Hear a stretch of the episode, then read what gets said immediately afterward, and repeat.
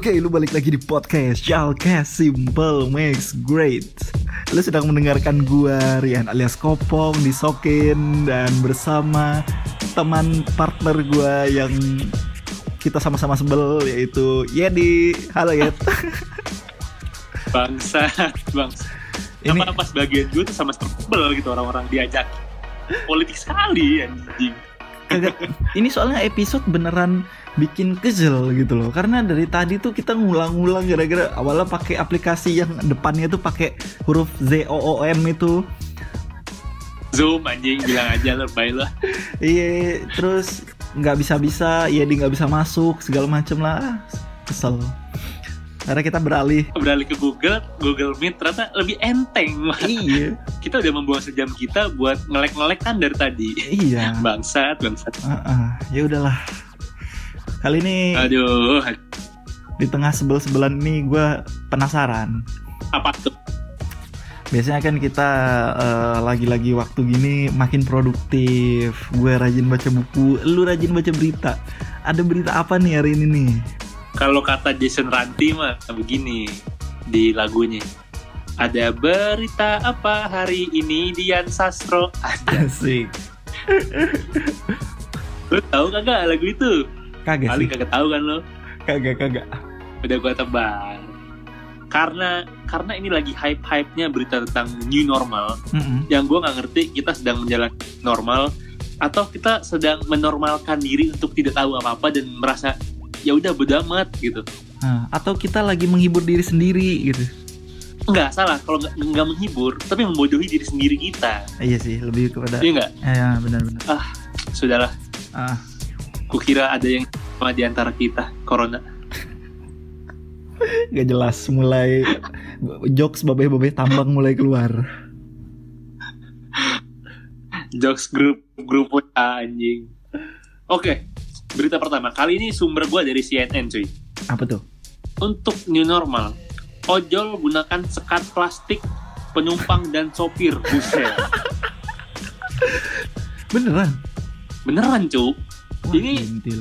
Eh, ba- kayaknya ini ini sebenarnya baru rencana. Hmm. Tapi lu bayangin aja gitu, lu naik ojek, motornya motor bebek, tengah-tengahnya ada sekat plastik. Itu Kan agak ribet ya kalau kalau laki ya, kan kakinya panjang gitu ke depan. iya, Sekatnya bagaimana? itu lagian gue bingung motor apa bajai pakai sekat-sekat. Buset. Iya juga ya. Kenapa nggak sekalian aja ojol suruh naik bajai semua ya? Ah, ah.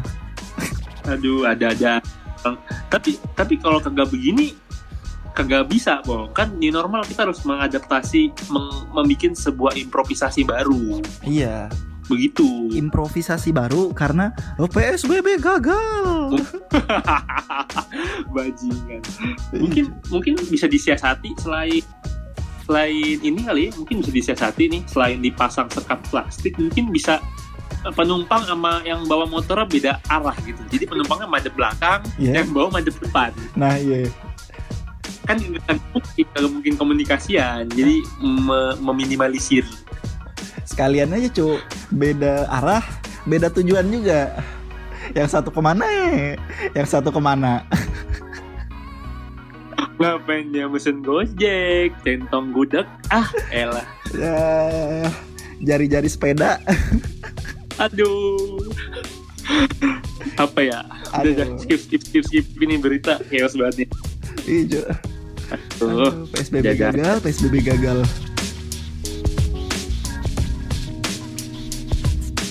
tapi tunggu dulu kok Apa tuh? kita patut berbangga diri juga warga negara Indonesia Kenapa tuh? yang kemarin nih digadang-gadang eh, sebagai negara yang berhasil buat melaksanakan PSBB dan social distancing Mm-mm. Korsel Korsel Korea Selatan Oh iya, ah. kan kemarin katanya udah corona ya kan Iya. nah akhirnya doi eh, di akhirnya Korsel tuh ngebuka lagi nih sekolahan 500 500 sekolah Oke. ternyata eh ternyata abis dibuka kasus corona naik lagi Waduh, ya haba ya. bener-bener ini virus kagak ada akhlak banget Iya, Cuk. virusnya kagak ada akhlak bener. Kagak sopan, kagak bisa ngelihat orang seneng dikit. kagak beradab orang-orang mau sekolah mau belajar kagak boleh. Nanti sebar lagi virus. Iya. aduhai aduhai Itu itu korsel Jadi negara. ya. Itu korsel negara yang ini cuy adidaya. Apa tingkat kematiannya paling rendah. Masih aja kena gelombang kedua. Yang dramanya bagus-bagus. iya iya. Sebenarnya kagak ada hubungannya sih Gak ada hubungannya bener emang. Nah, jadi yang kemarin digadang-gadang udah berhasil, ternyata memang belum efektif juga. Lah terus kita apa kabar? Nah, Berhasil kagak? Nah, terus gimana tuh? Jadi mari kita melanjutkan bermain sandiwara di negara kita sendiri. School. sekut. tapi gue yakin banget new normal ini tuh nggak akan ada lagi yang kena corona Kenapa tuh? kagak terdeteksi rapid test dihentikan Aduh. kagak dites Weh, ngomong-ngomong tas tes tas tes nih, Pong. Heeh. Lu tau kagak? Gua tadi sore abis swab test. buset gimana tuh hasilnya tuh udah keluar belum Kagak, keluarnya masih nanti tanggal 2 Juni. Jadi kan gua mau balik ke Kalimantan nih awal-awal bulan Juni. Nah, syaratnya kan kudu ada PCR test kan atau rapid test. ya Cuman dari kantor gue nyuruhnya PCR test. Ya Udah gue PCR test tuh. Hmm. Nah, kan gue kagak tahu sebelumnya PCR test atau swab test nu eh swab test kayak gimana sih tesnya? Hmm. Suntik-suntik, ambil darah apa gimana sih? Hmm. Ternyata itu bajingan. gimana cuk Lu tahu nih, itu cuma nyolok-nyolok doang. Jadi hidung nih dicolok sampai atas. Wah itu geli banget sumpah, sakit sama geli. Ih ngeri su ngeri dah Jadi lu, lu, kayak pakai kat, katan bat yang panjang banget nih, Ah. terus lu dicolok gitu hidung, serot ke atas banget tuh kayak anjing-anjing. Pedih gitu sampai geli, oh, anjing anjing anjing. Oh pak, mohon maaf nih ya. Sampai kata-kata kasar tuh keluar dikit-dikit. aduh wah ngeri banget cuk gua kira cuman cuman kayak diambil ingus sedikit gitu loh nggak sampai atas atas Tak ditongkel gitu, cuman yang ditongkelnya sih nggak nggak lama, bentar doang kayak numpang lewat doang. Cuman proses ke atasnya itu yang, aduh, aduh lemes pak, lemes. ngilu gua mana hidung lu gede lagi ya Nah, habis itu yang kedua, iya pak makanya, gua gua gua kan alergi ya, kalau Eh. misalkan hidung tuh dipegang-pegang, debu gitu-gitu kan. Eh, Gue tuh ngomong ke dokternya, dok, ini saya alergi hidung saya kalau dimasuk masukin benda atau kena kena debu. Ntar kalau saya saya mohon maaf aja nih kalau nanti pas dokter nyolok tiba-tiba saya bersin gitu gue kan. Terus dokternya kayak, waduh mas jangan bersin dulu, nanti gagal tesnya. Waduh, Waduh. kata gue jangan jangan jangan. Bukannya apa-apa nih. Tesnya kayak tai pak, mahal banget pak. Anjing emang. berapa berapa berapa 1,7 tuh di Mitra Keluarga Bekasi. jokut Jokut, Cok. wah sumpah sumpah cuk gua kira tuh mahalnya lima ratus ribu eh, berapa enam ratus ribu 1,7 wah edan 1,7 coba. Dapat Xiaomi anjing. wah udah gila boy sumpah Itu tuh yang mahal menurut gua sih di analisanya. Kayaknya di analisa tuh kayak susah banget menurut gua sih. Soalnya tesnya tuh cuman dicolok hidung sama dicolok tenggorokan. Udah, Hmm. selesai anjing. Kayaknya gua gua yakinnya tuh yang di mahal pas proses analisanya sih. Iya, Itu mahal deh di situnya. pasti sih Udah cukup lah cukup cukup. Semoga hasilnya positif eh positif negatif ya alhamdulillah. Astagfirullahaladzim gue nyebut aja dah Nah. Jangan sampai Lah, Calkes ini masih harus berjalan ya Lu bener-bener bener-bener Eh jangan-jangan nanti kita dihujat Bener-bener, kalau ya. dicadain corona ya. udah dah pokoknya ini ini ya gue mau lanjut nih ke next Ya. berita nih ini ini masih terkait corona juga nih terkait new normal jadi ini ini ada secercah keromantisan secercah keromantisan di tengah-tengah virus pandemi ini Pong Apa tuh? di CNN ada berita judulnya Pasangan dokter dan perawat Inggris menikah darurat di RS. Kok Daruratnya pakai tanda petik, Pak. Menikah darurat Menikah darurat Gimana ceritanya tuh? Iya, awas lo jangan otak lu jangan macam-macam. Enggak enggak Nulisnya menikah apa Otak lu kawin jangan kotor dulu. Menikah apa kawin Ah, kebiasaan. Nyambungnya ke yang aneh-aneh nih pasti nih si bangsat. Iya iya Enggak maksudnya Tiba-tiba Kan biasanya tuh kalau di Inggris tuh ada ada gereja gitu Apa tiba-tiba ada pendeta gitu masuk rumah sakit apa gimana? Kagak, kagak, kagak. Jadi berdasarkan berita, jadi sebenarnya nih udah dokter sama perawatnya udah pacaran lama. Nah, dia tuh katanya mau menggelar pernikahan di bulan Agustus. Nah, karena ada PSBB, ada social distancing, ya kan, nggak bisa nggak bisa apa, nggak bisa ada pernikahan, nggak bisa orang rame, nggak bisa traveling juga kan, keluarga jauh-jauh tuh ceritanya di sini. Akhirnya, kalau orang mau pada mundurin, lah mereka dimajuin. Oh gitu. The best ini pasangan. Unik ya. Jadi ibarat kata nih, kalau gue bayang-bayangin mah, abis ngecek-cek corona nih kan berdua kan, katanya dokter tuh perawat, kayaknya nggak tahu deh gue pengen cepet-cepet aja lah pokoknya, udah gak kuat yang, iya yeah, ilah segitu, maksudnya udah gak kuat pengen menyempurnakan iman. Iya. Gue kira gini, lagi lagi abis Apaan tuh? abis ngerawat pasien corona kan, capek tuh lagi istirahat sebat-sebat apalah kan. Nah terus, Mana ada dokter sebat-sebat, kunyuk. oh iya, pokoknya Yang benar dulu ah. pokoknya lagi istirahat kan, terus bilang, yang yang gabut nih, iye, gimana, nikah aja yuk, yaudah yuk, langsung udah di rumah sakit. enteng. Terus ya ayangnya bilang, kui. Inilah, Kayak ngajak mabar PUBG ini. Kai kui, kai kui, baik. Nah, nah, gua gua tuh gini, manusia kan ya, manusia kan kayak sekarang ada new normal gitu ya. Hmm.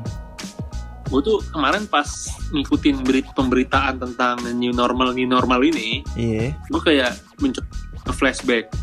Maksudnya kayak wah berarti ini kan kita sebagai manusia udah masuk ke uh, another level dari perilaku hidup gitu di mana yang sebelum sebelumnya yang kita lakuin yang itu merupakan hal yang biasa gitu terus sekarang dengan adanya pandemi ini ada dengan adanya corona dan covid-19 ini kita jadi harus bikin sesuatu yang baru gitu ada yang kita ubah ada yang kita ganti dari proses kehidupan kita gitu loh betul betul. Nah, gue jadi kayak nge-flashback.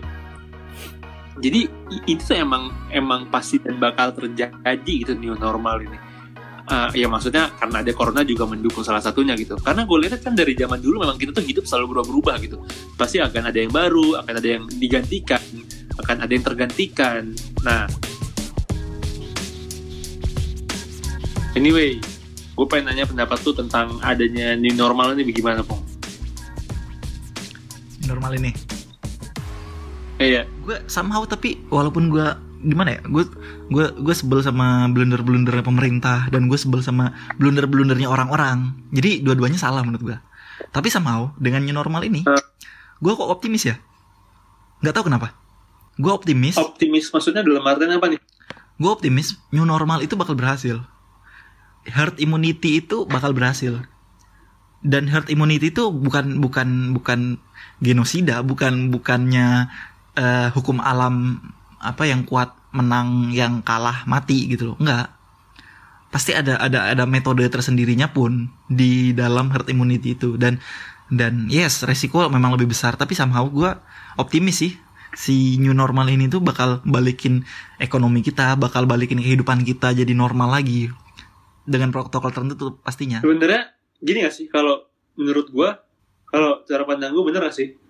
Eh, ini normal nih itu kan yang disasar herd immunity ya itu cuman ibaratnya itu cuman mempercepat untuk menyudahi persebaran iya jadi yang katakanlah oke PSBB gitu ya persebaran jadi lambat karena nggak ada kegiatan tapi tetap tersebar gitu Hmm. Sementara kalau kita sekarang udah lu normal aja lah herd immunity gitu. Itu kemungkinan jumlahnya mungkin sedikit lebih banyak tapi sedikit lebih cepat. yes eh Iya. enggak bukan bukan sedikit lebih banyak sedikit lebih cepat. No. Sedikit lebih banyak tapi jauh lebih cepat. Ah iya, jauh lebih cepat. Iya. Karena ya yang bakal terjadi bakal cepat banget itu. Karena lu ketemu dulu beraktivitas dan ketemu orang setiap hari lu ke mana udah bebas gitu sekarang. Nggak dibatasin lagi. Jadi kemungkinan lu makan dan ditularkan jadi lebih cepat dan lebih gue nggak tahu. Ya mungkin hmm, gimana ya? Mungkin bakal lebih cepat tapi semakin cepatnya kan berarti semakin banyak orang terjangkit tuh hmm. berarti kalau semakin banyak orang terjangkit berarti kan ntar kalau udah sembuh nih udah kelar berarti kan dia punya antibody gitu udah anti kebal sama si virus Hmm. nah di situ mungkin di titik itulah si udahan gitu si covidnya tapi eh, gue ini sih maksudnya menurut gue kalau misalkan nggak mungkin menurut gue tahun ini selesai ya nggak sih Iya. Kalau mungkin akhir tahun sih baru kelar Ah, ah. Tapi karena bakal panjang banget tapi tai banget anjing. Asli. Tai banget sih tapi. kenapa ya? Ya lu bayangin lah, oke lah new normal kita boleh nongkrong katakanlah ya. New, Eh. new normal masih boleh nongkrong ngopi-ngopi ke mana pun lah ke bar kayak ke mana serah lu. Tapi lu pakai masker boy, udah dandan, udah udah dandan, cakep-cakep, pakai baju baru, motoran, pakai masker pas udah nyampe kayak aneh aja sih menurut gua. tapi Itu Tapi sekarang itu tainya. tapi tapi gini sekarang justru malah lu jadi orang normal ketika lu pakai masker Iya, iya ngerti. Cuman cuman kayak kayak lo misalnya lo misalkan main Tinder nih. Lo main Tinder ya. iya Eh, di foto cakep nih. Wah, gak ketemu lah. Terus pas lu ngobrol, seksi seksi semo kayak kan semo, mukanya cakep dan lain-lain. Ketemu pas ketemu ngobrol pakai masker. Gimana nggak bisa menikmati cakepnya itu cewek gitu loh. Gue mikirnya tainya tuh di situ. Makanya gue bilang, "Ah, tai lah." Iya gak? Iya gak? Lu mikir gitu gak? Iya sih, bener sih. Tapi ya gimana ya? Masalahnya bukan cuma Indonesia, Pak. Seluruh dunia anjing masalahnya. Perekonomian juga yang kena tuh bukan Indonesia doang yang kalang kabut gitu karena perekonomian. Eh apa selain karena kita salah strategi ya menurut gua. Hmm. Tapi seluruh dunia juga kolaps itu perekonomiannya. Hmm. UMKM pada jatuh semua. Gua gue punya beberapa kenalan orang yang punya warung kopi gitu ya. Gue gua pasti selalu nanya gitu ke mereka mereka gimana apakah penjualan lu selama corona gini kan banyak banget tuh paket-paket kedai kopi yang jual satu liter satu liter gitu Terus sering-sering lihat tuh ada kedai-kedai kopi shop yang jualannya kopi seliter seliter gitu kan Iya. eh ternyata nggak cukup membantu Pong. Mm-mm.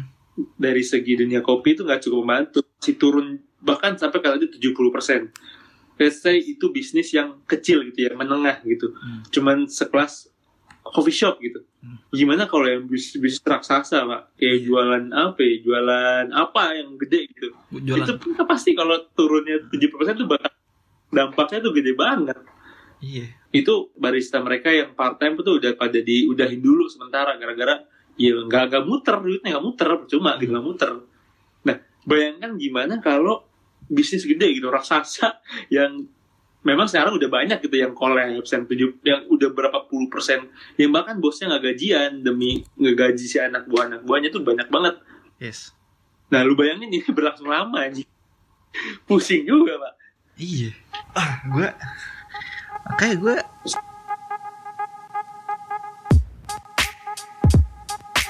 mau dikasih bantuan lama kelamaan duit negara bakal habis juga kalau kayak gitu nggak bisa nggak bisa. Makanya gue gue eh somehow itu berharap banget mau vaksin sih. iya memang Ada yang itu harus uji panjang banget kong no, gue gue punya prinsip gini. Eh ketika kan ada yang bilang ah kalau seandainya nih muncul vaksin tiga bulan lagi, gue nggak mau suntik. Banyak yang bilang gitu. Tapi kalau menurut gue gini cok, ada ada sainsnya nih balik ini. Menurut gue ya, ini yang gue percaya ya. Dan dan gue berdasarkan sains nih, bukan bukan sembarangan konspirasi konspirasi tai kucing no. Ketika satu hal menjadi concern yang sangat penting bagi semua orang, itu tuh yang tadinya lama bisa jadi cepet. Contoh misalnya gini, misalnya ini nggak ada corona nih, lu tahu cancer kan? Kanker kanker. Nah, kanker itu kan oke risetnya besar, oke farmasi di belakangnya gede, banyak orang yang meneliti tentang cancer. Memang besar, cuman nggak cukup besar cuk. Yang orang menangani cancer, makanya dia nggak nggak cepet perkembangan pengobatannya gitu, obatnya dan dan penanganannya itu nggak cepat. Tapi lu bayangkan, semua orang jadi takut cancer. Semua orang concern banget sama cancer. Bisnis, ekonomi, negara jatuh semua gara-gara cancer. Otomatis apa? Pasti yang tadinya budget cancer yang sekian triliun dolar misalnya naik jadi 10 kali lipatnya, Cuk. Semua ilmuwan bahas cancer. Semua wartawan bahas cancer. Semua orang ngomongin cancer.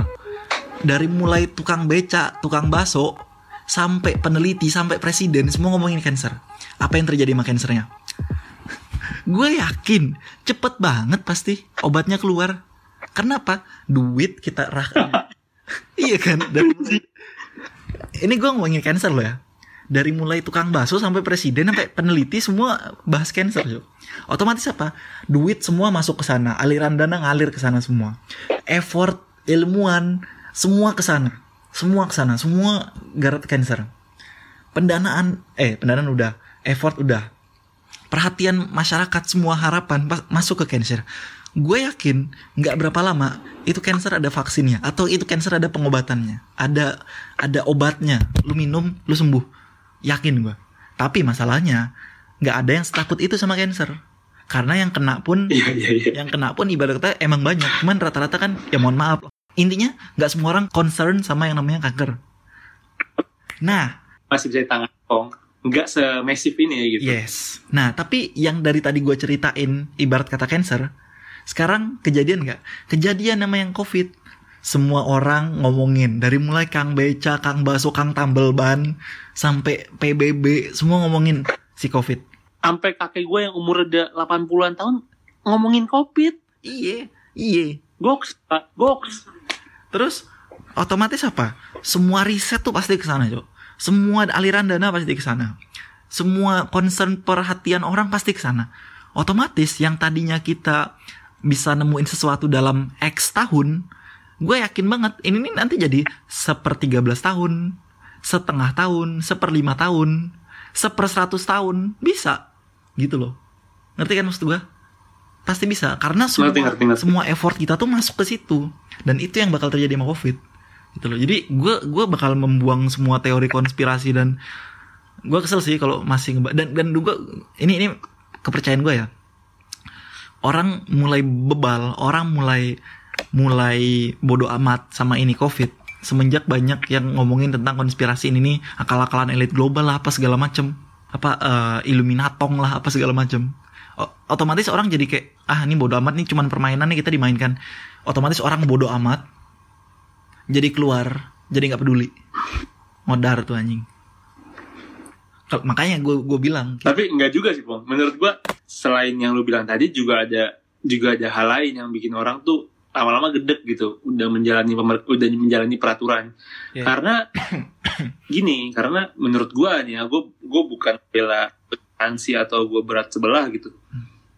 Karena lu tahu ada peraturan yang eh, tiba-tiba boleh mudik, tiba-tiba nggak boleh mudik. oh ya Lu lu tahu ada ada PSBB yang harusnya itu dikawal benar-benar ketat Hmm. tapi ternyata biasa aja ternyata yang masuk TV doang yang masuk media doang yang diberitain yang dikawal ketat karena gue membuktikan itu karena gue lewat di banyak daerah di banyak area di Bekasi nggak ada tuh selama gue balik cuti sampai sekarang ini kayak ngelihat bener-bener pengawasan bener-bener uh, banyak gitu ya padahal padahal yang kita tahu banyak banget aparatur-aparatur negara polisi TNI security hansip itu bisa dikerahin sebanyak gitu buat ngawas-ngawasin titik-titik merah yang bisa kita cegah sebelumnya. Dan itu menurut gua itu yang udah terakumulasi sama orang-orang gitu. Termasuk gua juga gitu.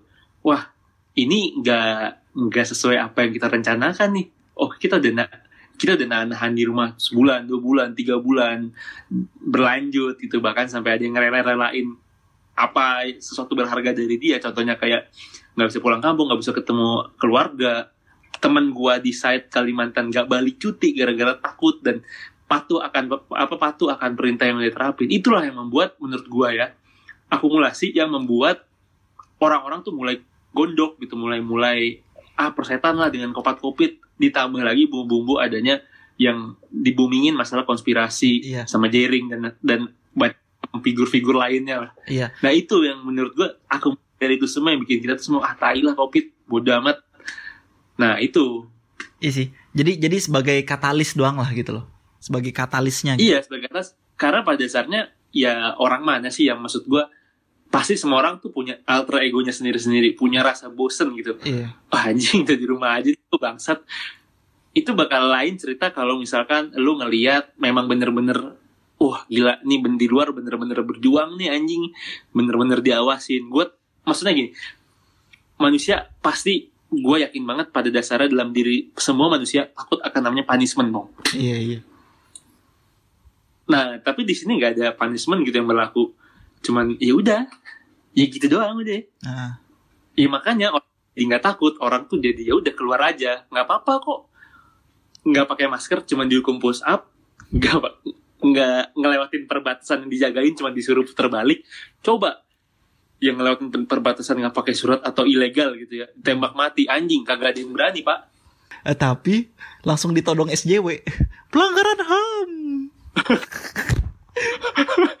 ya, jadi serba, Pasti. serba susah. Karena sih. nggak ada punishment yang berasa gitu. Ah, ah. sampai akhirnya akhirnya adanya peraturan yang ngebuat buat apa namanya ngebuat buat harus ada surat sehat dan segala macam yang akhirnya dimanfaatin sama oknum-oknum buat bikin surat palsu bajingan sampai Iya sih. sekarang ada sistem baru lagi yang diterapin harus ada SIKM harus ada rapid atau apa swab test PCR macam-macam lah sekarang peraturan Mahal lagi bangsat. mahal lagi anjing. Gue salah satu yang kena lagi. Brengsek brengsek. Chaos ya. itu yang gue tuh chaos banget maksud gue gini gini gini. Ada orang yang beranggapan gini pong. Gue kemarin ada ngobrol sama orang. Kan pasti di setiap di setiap keputusan selalu ada pro sama kontra ya.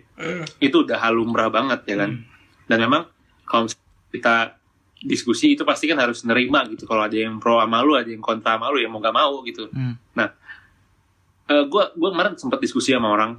Eh, jadi eh, beliau bilang pro banget nih setuju sama sama apa yang diambil keputusan sekarang gitu untuk herd immunity. Hmm. Eh, bilang nggak nggak bisa kalau psbb terus karena ekonomi udah keganggu. Oke nggak bisa memang. Gue sadarin gitu ekonomi udah keganggu banget gitu banyak banget pemecatan banyak banget yang dirumahkan pemotongan gaji dan segala macem dari yang eh, golongan paling bawah sampai paling atas tuh kena gitu efeknya Hmm. pertanyaan gua pertanyaan gua nih ini yang yang yang gue masih masih sebel nih sebenarnya Hmm.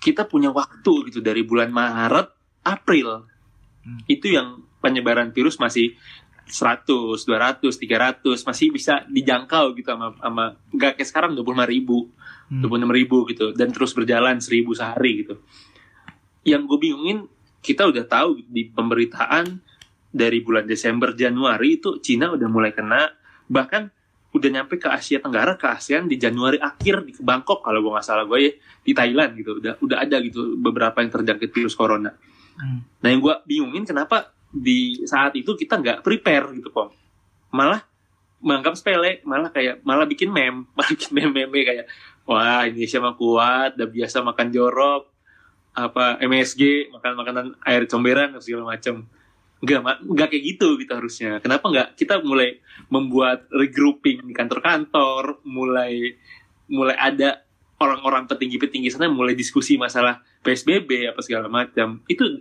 itu itu bisa banget lu atasin gitu. Gak mesti nunggu sekarang yang ekonominya udah anjlok banget. Kalau sekarang mau diterapin kayak yang dulu udah nggak mungkin ekonominya udah nggak mampu lagi udah nggak kuat negara kita Oh. Nah, gue sesel itu kenapa nggak dari dulu gitu? Kenapa nggak ada orang-orang pinter dari sana kenapa nggak dari dulu mulai ngekonsepin gitu dari yang masih dikit? Kenapa baru sekarang gitu loh? Itu yang gue sebel ya gitu sampai sekarang. Sampai sekarang bener-bener chaos pak. Chaos itu chaos. Kalau yang lu dulu bilang nanti tuh grafiknya bakal naik, terus landai, terus turun, Iya. ya nggak? Benar. Sekarang udah sempet landai.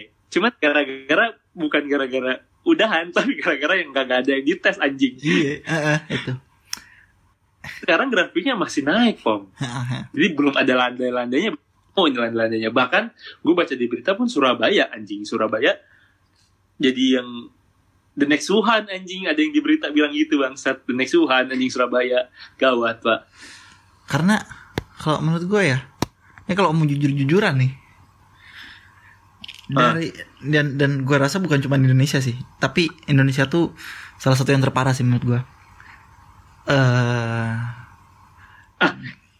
Potong, sebelumnya. Ah.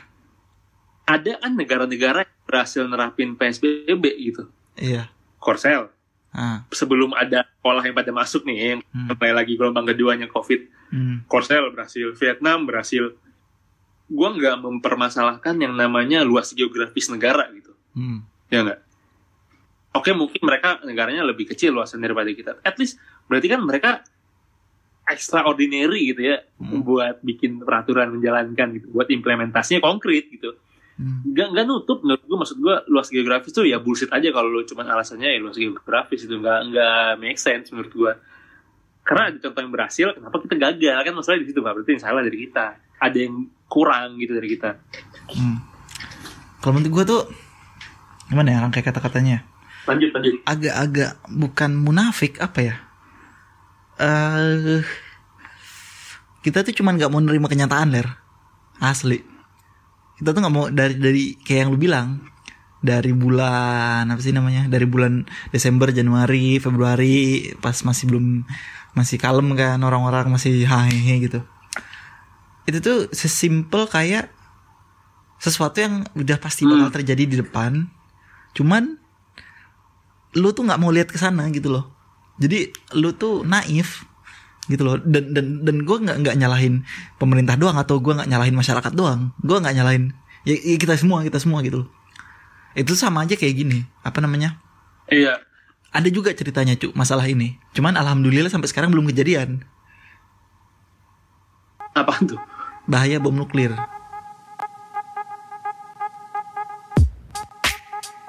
Gini. Oh, oke. Nggak ada yang tahu cara mitigasi ketika terjadi bom nuklir. Nggak ada yang tahu. iya juga sih benar sih Dan dan kita nggak pernah diajarin ketika anak-anak besok ketika ada negara perang terus ada nuklir kalian begini ya iya ibu guru kayak kayak nggak ada ah, kayak kita kayak kita kayak empat empat empat lu ngumpet bom meja. Nah protokolnya nggak ada. Eh, apa namanya? Padahal padahal seluruh dunia tuh mungkin ada 10.000 ribu 10.000 ribu pucuk senjata nuklir apa hulu ledak nuklir yang masing-masing tuh mungkin 4 5 bahkan 10 kali lebih gede daripada yang di Hiroshima Nagasaki zaman sekarang ini se- sekarang ini. Tapi kenapa kita nggak tahu?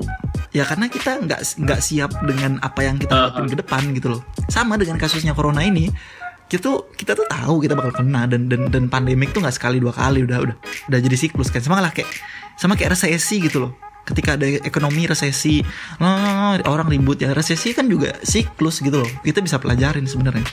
Tapi karena naif kita nggak mau lihat apa fakta di depan Ya. ya sudah gitu loh. Ya sudah. Ternyata kejadian gitu loh. Kayak kayak orang kaget main api terus panas gitu loh. Ya lu jangan kaget lah. Harusnya harusnya ketika ketika kan dulu Iya, iya, iya. dulu bocah-bocah pada bikin meme pada ngetawain pada ngejokes ngejokes nah harusnya ketika sekarang orang bilang ayolah udah kita nggak usah psbb kita nggak usah lockdown kita herd immunity. Kita apa namanya kita new normal. Harusnya lo tidak takut dong. Harusnya lo menerima nah gini dong dari kemarin. Itu baru sejalan. Iya iya iya iya. Kopi kopi kopi.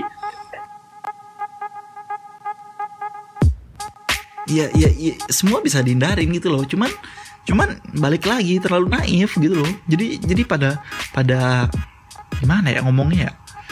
Ya tai juga sih. I- Ibaratnya ya itulah yang kalau gue bisa bisa ibaratkan tuh kayak bahaya bom nuklir tadi.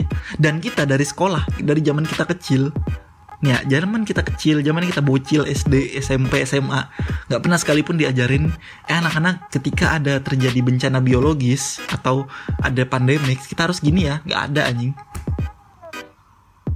Berarti berarti gini. Dengan adanya kayak gini harus nggak sih sistem pendidikan juga dirubah gitu. Ya iyalah cu. Sekarang gini ya, ya, ya. Nah gini, sekarang kan sekarang kan paling sering di pendidikan kita mitigasi itu paling banter soal bencana. Hmm, Gimana kalau banjir, gimana kalau gempa bumi, gimana kalau gunung meletus. hmm. Itu gue ya udah banyak sekolah-sekolah yang mengedukasi murid-muridnya gitu ya. Ah. Nah, gimana kan setelah ini gitu setelah ini di record gitu. Maksudnya pandemik apa aja nih? Kayak dulu yang black black, Black apa sih? Yang dulu tuh yang zaman dulu banget. Yang Black flu ah black plague maksudnya udah mulai diinin maksud edukasi gitu. Contoh kecilnya kayak eh nih eh Bray. Eh Bray. Nggak mungkin SD Bray. Nih anak-anak gitu ya misalkan misalkan ini anak-anak misalkan Bray. kalian flu. Hmm. eh anak-anak nih kalau misalkan kalian flu itu kalian tuh harus kayak gini. Kalau batuk kalian kayak gini. Kalau demam harus kayak gini. Ada harus ada berarti kayak gitu-gitu tuh sekarang tuh. Iya. Iya. sekarang kan lu kecil kita bocil. Kita ngomongin kita bocil gitu ya. Ah. nggak ada kan. Pasti lu lu pernah kecil. Di Bandung apa pekan baru Pekan baru gak? Pekan baru. kecil-kecil gue di Bogor berarti kan harus ada sistem pendidikan yang dirubah salah satunya medis gitu masuk ke pendidikan gitu. Karena dampaknya gede juga nyet. Selain bencana gitu. Bencana kan ya gede juga. Ternyata medis juga gede juga kalau ada virus gini anjing. Nggak pandang bulu mau bayi mau aki-aki mau anak muda mau siapa pun kena gitu loh. Iya. Makanya ya sedangkan yang hal pasti terjadi aja di Indonesia, hal yang pasti terjadi itu apa? Gempa bumi, tsunami, tanah longsor, banjir banjir, itu kan pasti terjadi. Pasti cuy daerah kita terlepas Ah. dari dari jadi jadi menurut gua ini bukan bukan men underestimate orang-orang pernah kena bencana ya. Tapi ketika terjadi bencana terus lu ribut, lu kaget, itu tuh harusnya lu nggak kaget lagi. Lawang kita tinggal di tiga lempeng benua itu kita di tengah-tengah anjing. Masa lu ada bencana kaget? Harusnya lu nggak dan kaget. kita juga di ring of fire juga Yes. gitu loh Nah, nah yang hal pasti seperti itu aja pendidikannya masih kurang. Kita masih kaget. anjing bener bener popong contohnya Ah. pong yang dulu banget nih gempa bumi lombok Iya. tsunami banten Yes.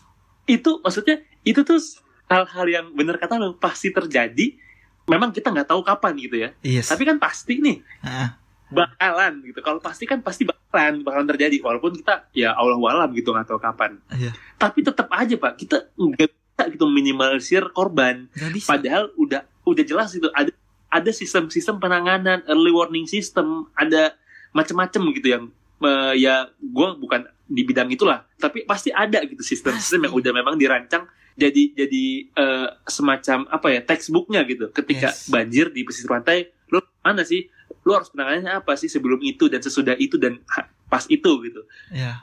tapi balik lagi bener bener gue setuju gue setuju untuk yang pasti terjadi kita masih ke- kelabakan ya bener Apalagi yang kita nggak tahu bakal terjadi. Apalagi, apalagi kita nggak tahu apa yang kita nggak tahu bakal terjadi. Ngerti gak sih? apalagi bentar gue ulang ya rada-rada ribet nih Iya. apalagi gimana apalagi Yang kita nggak tahu bakal terjadi aja, kita udah kayak gini. Apalagi Heeh, kita nggak tahu apa yang nggak tahu bakal terjadi. anjing susah pak itu udah levelnya udah kita udah ya udahlah mati aja anjing. Jadi jadi jadi kayak gini. jadi jadi kayak gini cuy. Apa namanya? Gua nggak tahu hal yang gua nggak tahu, gua nggak tahu gitu loh. Makanya gue gue gue bilang ini karena kasusnya di di yang gue nyinggung tadi bom nuklir kan di Amerika. Gue nyinggung kasusnya Ah. karena murid-murid Amerika di sana nggak ada yang ngerti ketika ada perang nuklir itu harus ngapain. Padahal padahal itu kayak bakal pasti terjadi Bakal- di sono Ah, gitu Padahal mereka tuh mereka tuh hidup di tanah, di bawah tanah mereka tuh ada nuklirnya. Ada silonya, silo tuh iya iya tempat nuklir. Kan itu nggak tahu bakal terjadi perang atau terjadi apa salah pencet terus tiba-tiba ngeledak gitu kan. Tapi nggak. Karena apa? Karena ketika kejadian nuklir itu udah nggak ada obatnya, Ler. Belum falloutnya, fallout tuh radioaktifnya, belum blast radiusnya seberapa. Tapi paling nggak kalau ada eh, mitigasi terhadap radioaktifnya kayak atau penanganan korban harus gimana kayak orang-orang tuh setidaknya tahu lah setidaknya tahu itu ketika itu kejadian dan amit-amit kejadian orang pasti lebih lebih siap gitu loh dan sejelas itu aja nggak di nggak ada yang tahu di sana tuh murid-murid di sana. Kayak gitu. Sama halnya dengan yang global itu pandemic gitu loh. Nah itulah ketika orang mendustakan sains ini yang terjadi.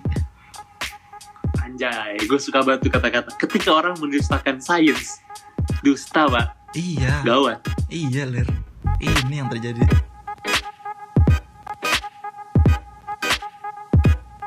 Tapi gue ini ini ini gue baru sadar juga dan kalimat lu kayak nampol lo banget pom barusan.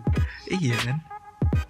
Kayak kita sebenarnya udah tahu apa yang akan terjadi di negara kita. Let's say tentang bencana alam gitu ya. Mm-mm.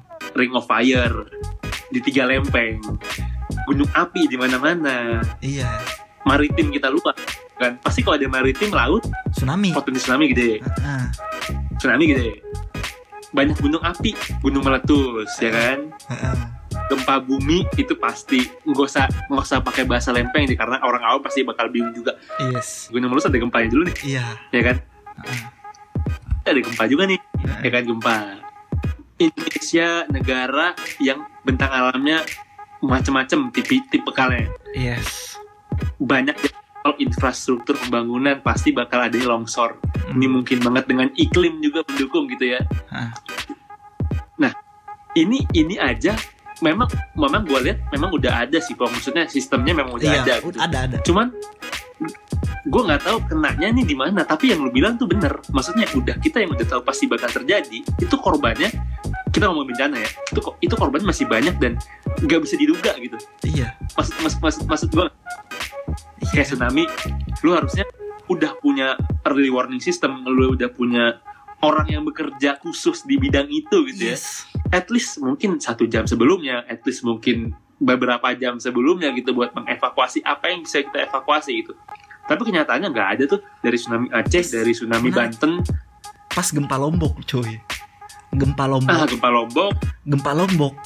Oke lah, misalnya lu nggak punya early warning system, tapi setelah kejadian gempa, setelah kejadian, ini korban yang masih hidup nih yang selamat nih. Setidaknya kalau Ah. ada edukasi sedari dini, eh bakal tsunami ntar lu kalau ada tsunami lu kayak gini, kalau lu selamat. Kalau mereka nggak tahu apa-apa, mereka kalang kabut, nggak ada stok makanan, nggak ada stok air, nggak ada stok listrik, rusuh. Ingat nggak lu ada kejadian yang yang mobil bantuan malah dirampok penjara pe- penjarahan? penjarahan iya ingat gua jadi maksud gua gini mungkin sekarang kan protokolnya itu adalah ketika ter, ketika terjadi bencana Heeh. itu lo harus ngapain Iya. itu udah banyak diajarin sama orang-orang sama pendidikan-pendidikan di Indonesia tapi menurut gue yang miss adalah ketika lu selamat nih dari bencana nih Iya. lu harus ngapain itu bingung atau sebelum bencana yang kayak gue pernah bilang harus ada kotak selamat yang isinya eh, bahan makanan, duit cash, sertifikat yang penting-penting itu semua dalam satu kotak. Jadi Ya, kalau ya, ada ya. bencana langsung angkat. Nggak ada anjing. ya jadi yang kurang kan ini ya maksud gue ku- kurang dari tahap persiapan dan definisinya gitu Iya. menurut gue nih ya menurut gue pribadi kita memang kuat saat terjadi gitu ya maksudnya udah banyak pendidikan-pendidikan sedari ini ketika terjadi bencana lu harus ngapain tapi masih minus adalah pra pra bencana nih yang lu bilang tadi kotak selamat yang udah pernah kita bahas juga di podcast kita Ah. itu itu masih jauh banget masih nggak ada menurut gua nah udah satu misalnya nih kita udah udah ngenambel di sisi pra gitu persiapan ya persiapan udah ketambel udah tahu nih orang-orang kudu ngapain pas Hmm. terjadi pos pas terjadi bencana orang udah tahu juga kudu ngapain Hmm. Nah, kan namanya juga umur ya Allah walam nggak ada yang tahu nih pas bencana lu mati apa kagak Mm-mm. ya kan selanjutnya kata kalau lu selamat nih apa yang harus lakuin itu juga nggak belum ada pong Iya. lu harus ke mana setelah ini apa yang harus dipersiapkan lu harus berkumpul sama orang dan berkumpulnya di mana lu harus ngapain kalau udah berkumpul lu harus ngapain ini yang menurut gua belum dirumuskan anjing Ada ada dua perspektif dari gua. Ini lu kalau dengar dengar dua ini pasti lu tercengang anjing. Seperti berita-berita? YouTube yang wow, wow gitu. apa tuh anjing pertama oke lah kayak yang lu bilang tadi kayak yang lu bilang. Oke lah udah ada edukasi lu harus ngapain dan, dan apa ketika ada bencana masuk kolong meja dan sebagainya dan sebagainya dari mulai kita kecil ya nggak? Udah ada. Iya. Tapi kesalahan di Indonesia terutama adalah pendidikan tidak diamini. Sama aja kayak gini cuk. Pendidikan tidak diamini itu sama aja kayak gini. Kita belajar olahraga mata kul mata kuliah mata pelajaran olahraga itu berapa tahun? 12 tahun full dari kita mulai Iya, SD iya, sampai bener. kita SMA bener bener. Tapi itu kan olahraga masalah kesehatan kesehatan nih. Gimana cara jaga diri? Ada diajarin nggak cara makan? Atau paling nggak lu inget nggak udah lu gede lu makan sehat tuh gimana? Kagak. Inget nggak soal olahraga yang keluar tuh apa? Berapa panjang lapangan voli? Lu mau hidup atau mau jadi wasit? Gila nggak tuh? Ngerti nggak sih maksud gue kita belajar dua Iya, bener kita belajar. asu. Asu asu. Tuh kan? Kepikiran kan? Gini gini cok kita belajar 12 tahun mataku mata pelajaran olahraga. Nggak diajarin tuh gimana cara hidup sehat? Nggak tahu. Gue tahunya berapa panjang net bola voli? Aneh kan? Iya nyet, itu itu itu ada. Itu itu itu ada banget ketika lu ada PR suruh ngisi LKS anjing. Iya kan? zaman dulu kan ada LKS tuh kan ya? LKS. yang buku-bukunya tuh cuma soal-soal kan ganda esai ya kan? Itu pasti banget nyet. Di semua di semua orang pasti pernah jawab tuh. Berapa panjang lapangan bola Iya. berapa panjang lapangan poli bener. Itu itu lu mau jadi mau jadi orang yang ini jadi mau berolahraga dan hidup sehat apa mau jadi wasit anjing? Iya cok fuck. Terus ya terus ya. Bener bener bener. tahu? setuju gue Ini sekarang ada pandemik menyeramkan ya, pandemik menyeramkan ya. Tapi lu tahu mesin pembunuh pertama apa? Penyakit jantung. Dan penyakit jantung diakibatkan oleh apa? Pola hidup tidak sehat. Either itu obesitas, darah tinggi, dan sebagainya. Pengaruh pola makan, pola hidup. Itu harusnya diajarkan dalam pendidikan jasmani. Namanya juga pendidikan jasmani. Bukan pendidikan jadi wasit. Gila gak lu? Itu salah kita. Anjing setuju gue, setuju. Tapi bener loh, maksudnya lu lu nih, gue gue gue pernah diskusi sama temen gue waktu gue di site gitu ya di lapangan, dia tuh nunjukin bong eh, ke gue gitu sebuah grafik gitu ya, gue lupa dari website mana anjing lupa gue. Hmm. Jadi nomor satu penyakit yang membunuh itu yang yang maksudnya penyakit yang berpotensi lu mati gitu jantung corona pas dia nunjukin itu di bulan April dia nunjukin ke gue itu urutannya kelima pak Hmm. Jadi kesimpulan lu nggak perlu takut-takut banget sama corona karena masih dia harus takutin Iya. yang nomor satu jantung. Bener gue sih banget. Enggak, iya iya. Itu dan selama ini yang diajarin pendidikan jadi wasit ya bukan pendidikan jasmani ya. Iya, emang itu itu dia, itu itu itu eh, apa namanya? Itu tuh salah satu contoh kenapa kita tidak mengamini pendidikan dan kita mendustakan sains. Dan kita terima hasilnya sekarang ketika pandemik ini, betul. Gitu loh. Tadi kan gue bilang kan dua tuh, ada gue bilang dua setuju gue ini, setuju, setuju. dan lu pasti wow gitu kan. Ini yang tapi yang yang kedua gue lupa ler. Karena ke, keasikan ngomong keasikan ngomong pendidikan jasmani. anjing Intinya intinya gitu. Dan oh iya, gue baru sih. Gue baru ingat yang kedua, gue mau ngomong apa?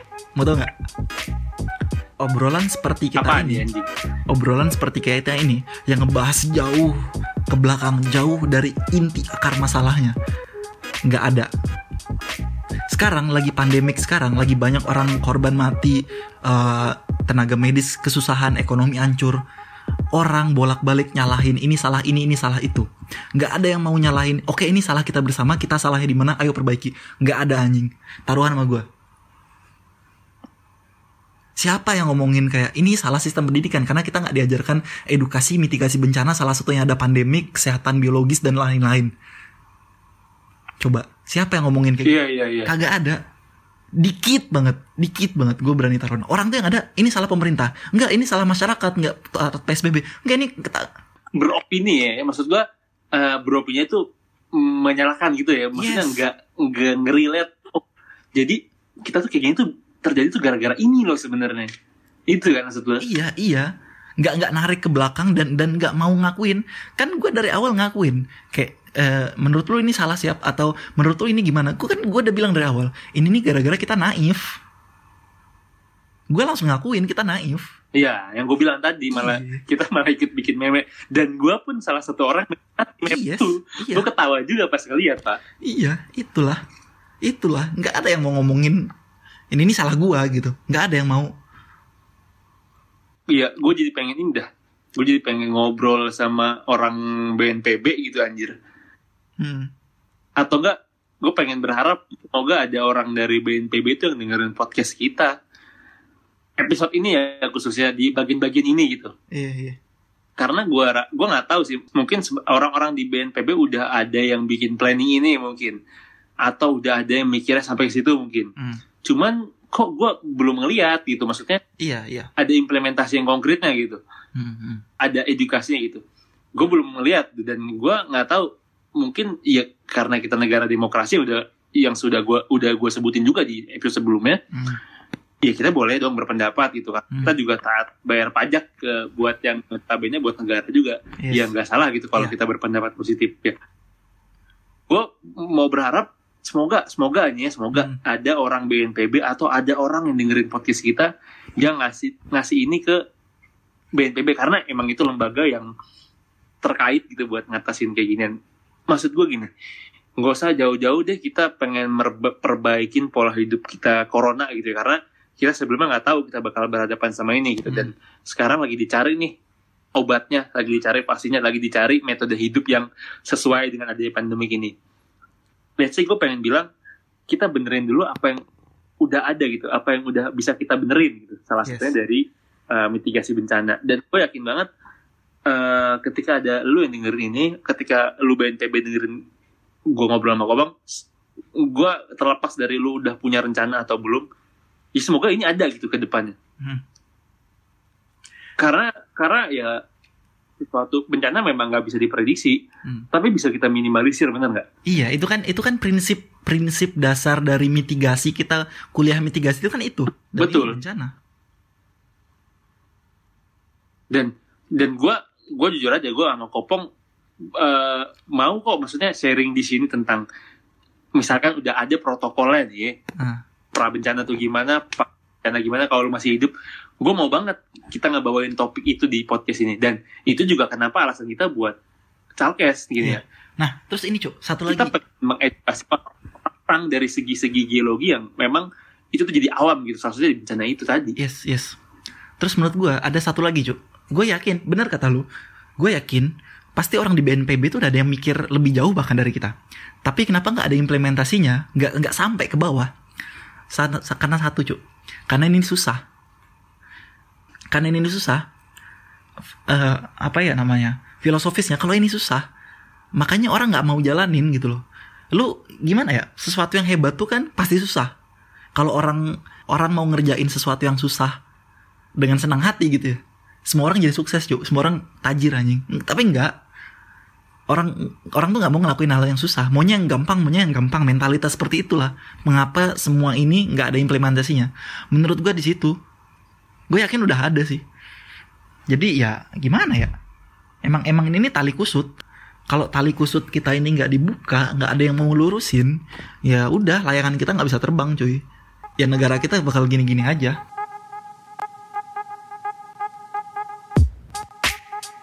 maksud gua ya itu tadi bilang memang eh, memang susah sih gua akuin karena lu pernah KKN kan bong? Hmm. nah waktu gua KKN di daerah Bantul itu gua Jogja kan punya historical gempa Jogja ya kan? Hmm. gempa dan uh, gempa dan karena gue pinggir pantai gue juga mengedukasi orang-orang.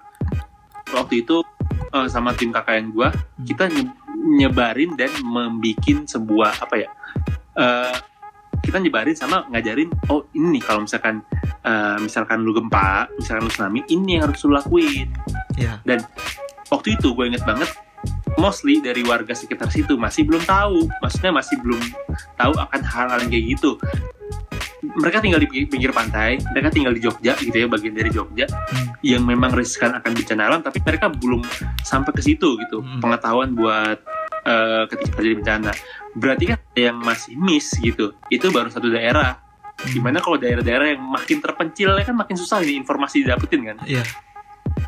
Nah itu yang jadi mungkin itu jadi yang big big big problem sehingga susah banget nih kalau mau dibikin sistem kayak gitu karena nggak tahu di sana mungkin ada kerjaan yang lebih uh, urgent urgentnya. Iya. Nah itu tadi Bang. Semoga makanya gue berharap nih ada ada orang BNPB yang dengerin gitu.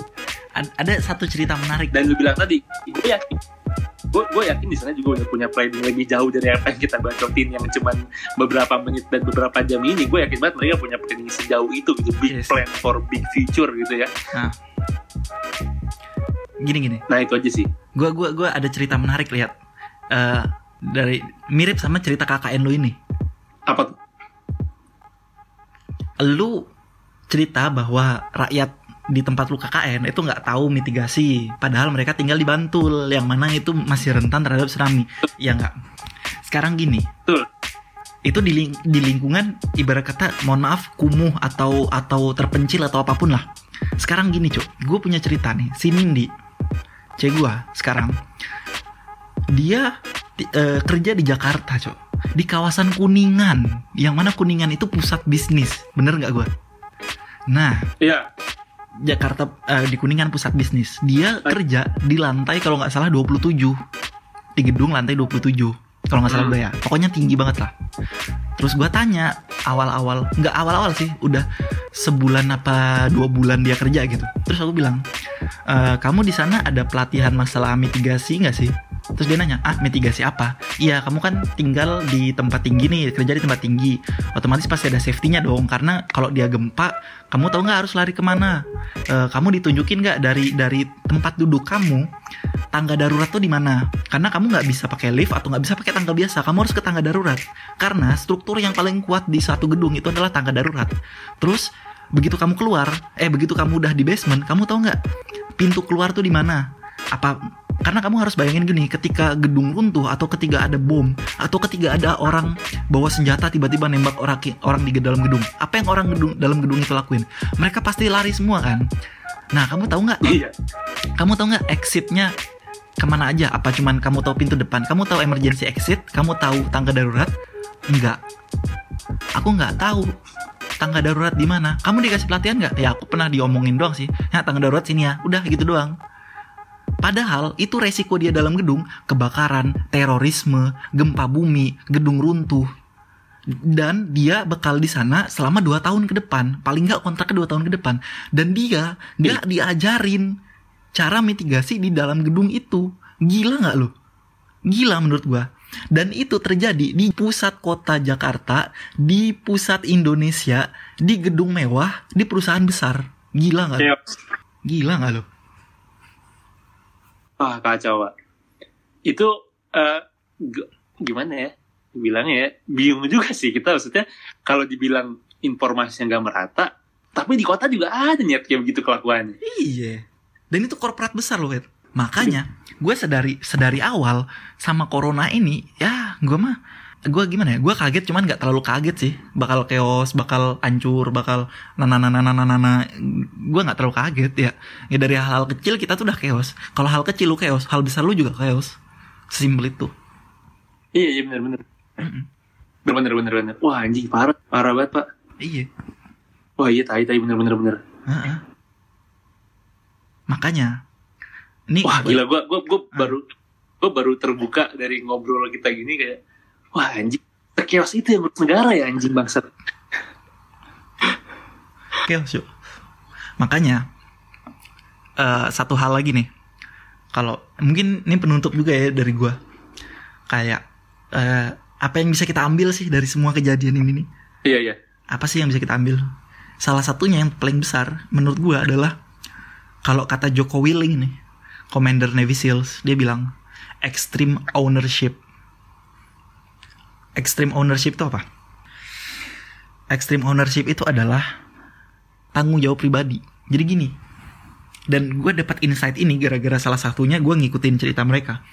Gue tuh ini ler, gue tuh agak parno orangnya. Oh, gue tuh termasuk orang parnoan. Makanya gue aware masalah sekitar. Makanya gue aware. Bahkan ya, ini gue kasih gue kasih eh, bocoran dalam beberapa bulan ke belakang, gue selalu bawa pena besi. Bawa pena besi, pena besi. Kayak gini nih, ntar. Cok, gue selalu Mana mana? Nih nih. Oh iya iya. Lanjut. Kenapa gue bawa ini? Ini nih keras. Ini selain gue bisa pakai buat nulis, ini gue bisa bawa gue pakai buat buat bela diri. Ini dicolok ke mata, tembus. Dicolok ke pipi, tembus. Ini bisa jadi alat bela diri gue. Gue separno itu. Gue selalu bawa ini. Dan ini bukan bukan senjata, ini pena anjing. Tapi bisa dipakai buat bela diri. Gue separno itu. Jadi gue mem Wah lu kayak Kingsman. Eh? Heeh. Ma, gue kan mempelajari itu ya, dan dan lama-lama gue kebawa sama mindset mindsetnya mereka gitu, mindset mindset orang orang-orang elit inilah, orang-orang special forces inilah, tentang yang bisa kita ambil tuh tentang responsibility, tentang tanggung jawab. Jadi gini, berpikiranlah bahwa nasib lu itu tuh di tangan lu semua gitu loh. Walaupun kita punya negara, negara tuh nggak akan ada buat kita. Main, ketika kita punya mindset kayak gitu, nggak akan ada yang bantu maka kita akan nggak nyalah nyalahin orang semua yang terjadi itu salah kita ketika apalagi ketika lu jadi leader ketika lu salah atau ketau ketika kerjaan lu bubar gagal salah leadernya salah lu nah ketika orang punya mindset seperti itu gue yakin ketika ada terjadi pandemik segini ketika terjadi sesuatu yang buruk terjadi kesulitan kita tuh pasti nggak nyalahin ini kiri kanan depan belakang kita nyalahin kita sendiri kalau kita udah nyalahin diri kita sendiri apa yang terjadi? Kita punya tanggung jawab, kita punya sense of belonging, punya rasa memiliki gitu. Contohnya ada pandemik, nggak disuruh pemerintah, oh iya kita udah pakai masker, nggak usah disuruh pemerintah, yaudahlah kita bakal keluar kalau penting doang. Kayak gitu loh, mak- maksud gue. Kita karena kita peduli sama diri kita sendiri, sama orang lain yang kita sayang, kayak gitu loh. Jadi jadi udah nggak ada nggak ada lagi tuh kayak orang-orang barbar yang langgar-langgar peraturan bodoh gitu ya. Bukan bukan melanggar peraturan jadi keren. No you fucking stupid gitu loh. Hal-hal kayak gitu sih menurut gue ini karena nggak punya itu tadi extreme ownership atau tanggung jawab pribadi yang besar. Jadi kita kalau ada sesuatu ya kita nyalain orang kita nyalain pemerintah kita nyalain elit global kita nyalain siapa pun lah tapi kita nggak pernah nyalain diri sendiri gitu loh chaos itu. Makanya balik lagi gue bisa dapat pemikiran kayak gitu karena gue bukan bukan karena gue nonton video bukan karena gue mempelajari bela diri bukan gue mempelajari ini itu. Karena gue mengedukasi diri gue secara tidak langsung gue dapatlah pemikiran seperti itu. Ya balik lagi kurang edukasi kurang tanggung jawab rasa tanggung jawab itu. Itu sih menurut gue nah, iya. jadi oh extreme ownership. Dan itu bisa kepake dalam situasi apa pun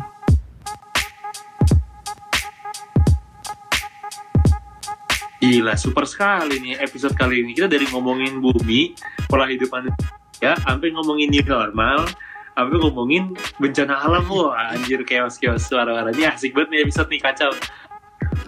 Oke, kalau kata terakhir dari gua, uh, karena ini relate dari lingkungan gua hidup sekarang di Bekasi gitu ya, banyak orang-orang yang menurut gua masih kurang peduli sama diri mereka sendiri, sama orang yang mereka sayang gitu, sama hal-hal yang membuat mereka uh, penting gitu.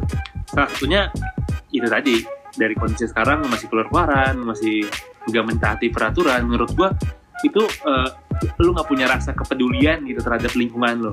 Hmm. Nah, buat lo dengerin, buat lo yang uh, nyimak ini sampai akhir, sampai dengar kata-kata gue ini baru kan, coba coba uh, mulai membiasakan dia dengan peduli minimal ke diri lu sendiri aja dulu gitu.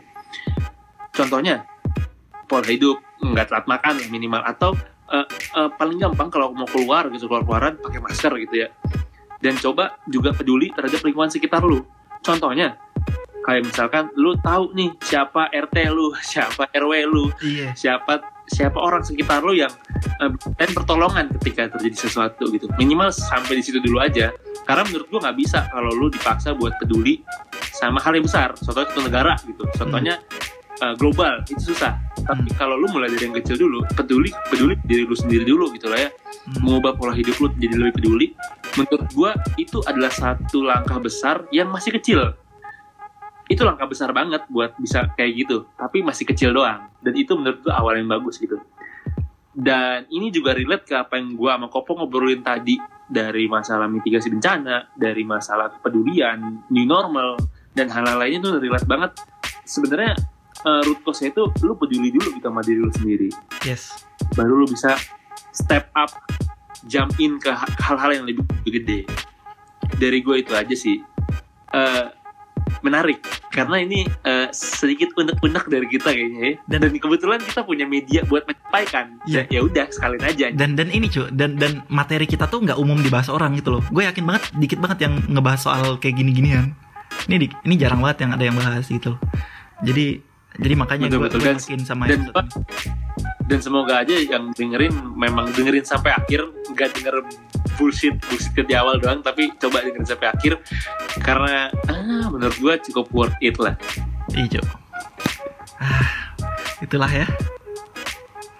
Itulah ya episode kali ini ya. Semoga, seru banget anjing. Semoga kita semua ya stay safe lah. Udah itu aja dari gue stay safe juga sama semoga dengan dengan adanya pandemi ini kita semua orang Indonesia tuh bisa ketampol bisa ketampar buat benerin sistem yang udah udah jadul gitu udah harus ditinggalin harus bikin yang baru. Yes. semoga aja itu jadi uh, apa uh, hikmahnya lah hikmahnya kalau kata orang dulu tuh dari sebuah kejadian. Dan terakhir banget nih dari gue nih. Satu aja. Buat lu yang lagi apa belajar anjing please belajar edukasi diri lu. Edukasi diri lu. Bukan Bangsat. cuman buat nilai bukan cuman menghadiri sekolah kuliah. Lu belajar pahamin aplikasiin dari diri lu. Ke dalam diri lu aplikasiin. Lu belajar edukasi diri lu. Dah itu aja. Gua kopong undur diri cabut. Gua ya di, uh, pamit juga lah. Oke okay, bye